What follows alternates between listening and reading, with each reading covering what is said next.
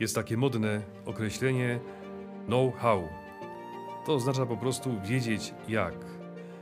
Umiejętności know-how są o wiele cenniejsze niż jakieś urządzenie czy sprzęt elektroniczny, który mogłaby sobie kupić firma, żeby lepiej działać. Jeśli ma się pracownika, który ma w sobie to know-how, firma się rozwija. Te umiejętności know-how można sprzedawać, można je obwarować pewnymi y, zastrzeżeniami. Temu, kto kupuje to know-how, czyli wiedzieć jak, jak wyprodukować produkt, jak rozwijać firmę, y, te, tego człowieka obowiązuje tajemnica. Y, to know-how jest dzisiaj chyba najcenniejszym towarem, jaki może kupić instytucja. Niestety to prawo know-how nie działa, jeśli chodzi o rozwój Królestwa Bożego. Jezus mówi, że Królestwo Boże jest podobne do ziarna, które ktoś wrzucił w ziemię, czy ten człowiek śpi, czy czuwa, czy jest dzień, czy noc, Królestwo Boże się rozwija, a on sam nie wie jak. Rozwój Królestwa Bożego jest tajemnicą. To się dzieje niezależnie od nas. To się dzieje poza naszymi umiejętnościami, poza, poza naszym wysiłkiem. Przykładem tego jest historia wielu nawróceń. Chciałbym dzisiaj powiedzieć o nawróceniu bardzo bliskiego dla mnie człowieka, Clive Staples Lewis, autor słynnych opowieści z Narni. Opisuje swoje zaskoczenie, w y, opisuje swoje nawrócenie w pięknej książce pod tytułem Zaskoczony radością. Już sam tytuł mówi o tym, że spotkanie z Bogiem było dla niego zaskoczeniem. On sam nie wie, jak to się stało. Był człowiekiem nie tyle obojętnym religijnie, ale bardzo niechętnym w to, temu, by uwierzyć. Mówi, że ze wszystkich sił starał się nie uwierzyć. Chciał być wolnym człowiekiem, czuł pewną niechęć, nawet wstręt do religii. Nadszedł letni semestr 1929 roku. On był w swoim pokoju w Oksfordzie i czuł, że zbliża się to, czego tak bardzo nie chce. I nagle pewnego wieczoru 1929 roku w swoim pokoju ukląkł na kolana i uznał, że Bóg jest Bogiem. To był pierwszy etap jego nawrócenia, ale wtedy jeszcze nie był chrześcijaninem.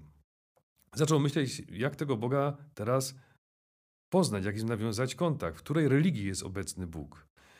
Mówi, że chrześcijaństwo było na drugim miejscu. Po takiej refleksji i dokładnej analizie zostały mu dwa systemy religijne, które mógłby przyjąć: hinduizm i chrześcijaństwo, bo czytał i uznał je za oryginalne koncepcje religijne. Chrześcijaństwa nie chciał przyjąć. Mówi, że hymny kościelne napawały go obrzydzeniem, czuł niechęć do instytucji kościoła. Pewnego razu w takim swobodnym y, dialogu jeden z profesorów Oxfordu, również niewierzący, mówi tak: Dziwna rzecz, ta historia o umierającym Bogu. Można by niemal uwierzyć, że wydarzyła się naprawdę. I to zaczęło w nim kiełkować. Pewnego razu wybrał się do największego w Wielkiej Brytanii zoo, ogród zoologiczny Whipsnade. Mówi, że kiedy wsiadał do autobusu, jeszcze nie wierzył, że Jezus jest Synem Bożym, a kiedy wchodził do zoo, był już o tym przekonany. Mówi, mogę podać dokładny czas i miejsce, kiedy to się wydarzyło, ale nie wiem, co się stało. Nie wiem, w jaki sposób to się dokonało. A więc to wypisz i maluj ta dzisiejsza przypowieść. Ziarno Królestwa Bożego kiełkuje i rośnie, a człowiek sam nie wie jak. To jest tajemnica działania Pana Boga w nas. Moi drodzy, y, tu jest, jest wielka nadzieja. Nieraz się martwimy, zwłaszcza rodzice martwią się o dzieci i wnuki, czy będą trwały przy Panu Bogu.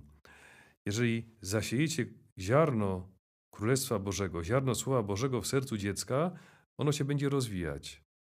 Przy okazji naszego programu, y, w którym sialiśmy ziarno, Dziś, tak na marginesie, mogę powiedzieć, że z tego ziarna już wyrosła wspaniała zielarnia.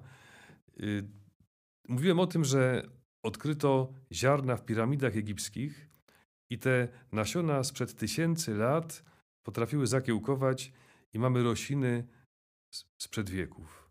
Ostatnio natomiast czytałem o odkryciu jednego z brytyjskich botaników. Otóż w grzechotce z Ameryki Południowej, liczącej 600 lat, odkrył m.in. nasiona, ziarna. Jedno z nich zaczęło kiełkować, wsadzone do ziemi w odpowiednich laboratoryjnych warunkach.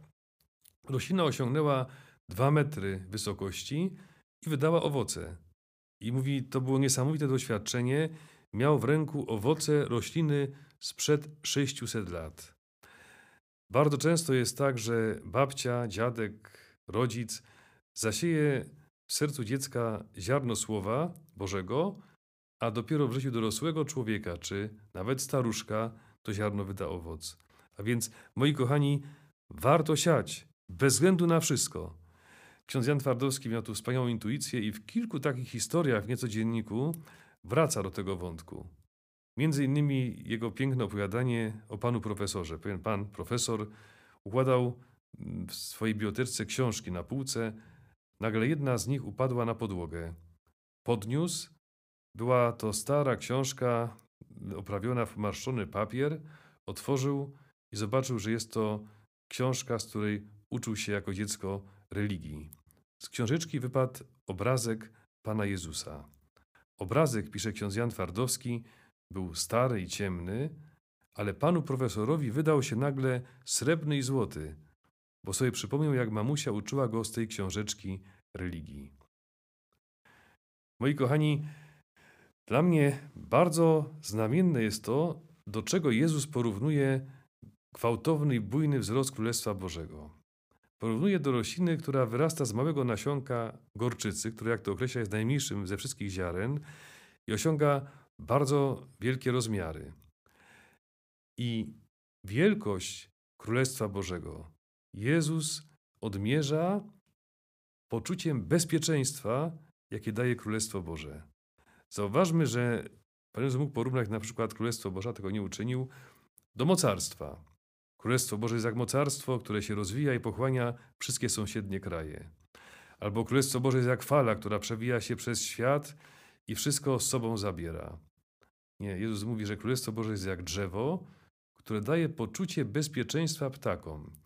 Wiemy, że ptak wije swoje gniazdo w najbardziej bezpiecznym miejscu, tam gdzie jest cicho, tam gdzie nie sięgną jakieś drapieżniki, na poddaszu, w niedostępnym miejscu, wysoko na szczycie drzewa, bo tam mu nic nie zagraża. Królestwo Boże jest jak drzewo, które osiąga wielkie rozmiary, tak wielkie, że ptaki powietrzne wiją w nim swoje gniazda. Królestwo Boże jest tak piękne, jest tak wielkie, że człowiek w każdej sytuacji życia, w chorobie, w jakimś niepowodzeniu, w trudnościach, może ubić swoje gniazdo w Bożym Królestwie i czuć się bezpiecznym. Skorzystajmy z tej szansy. Ile nadziei jest w tej dzisiejszej Ewangelii, że nasze wysiłki są tylko otwarciem się, powiedzeniem Panu Bogu tak, a resztę już zostawmy je, Jego działaniu. W życiu tego autora, o którym dziś tu tyle mówiłem, Clive'a Staplesa Louisa, ta prawda się ziściła. Y, to, że się nawrócił, to jest tylko pierwszy etap tej wspaniałej historii, ale dzięki jego książkom, jego twórczości do Pana Boga wróciło bardzo, bardzo wielu ludzi. Chociażby weźmy opowieści z Narni, które zostały przez Disneya, na razie chyba trzy części zostały zekranizowane. Lew Aslan, symbol Jezusa.